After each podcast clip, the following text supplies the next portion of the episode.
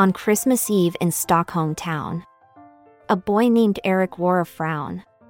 He lived in poverty and despair and dreamed of a Christmas beyond compare. He worked at the post office that night, sorting mail with all his might. But as he toiled, a plan unfurled to give his family the gifts they deserved. He knew that the wealthy received their share of lavish presents beyond compare. And so he stole a few with stealth and guile to give to his loved ones with a heart full of smile. As the dawn approached, he made his escape from the post office with presents in his shape. His mother and sister were overjoyed to see the gifts that Erik had deployed. Though he knew it was wrong, he couldn't regret giving his family the Christmas he'd never forget.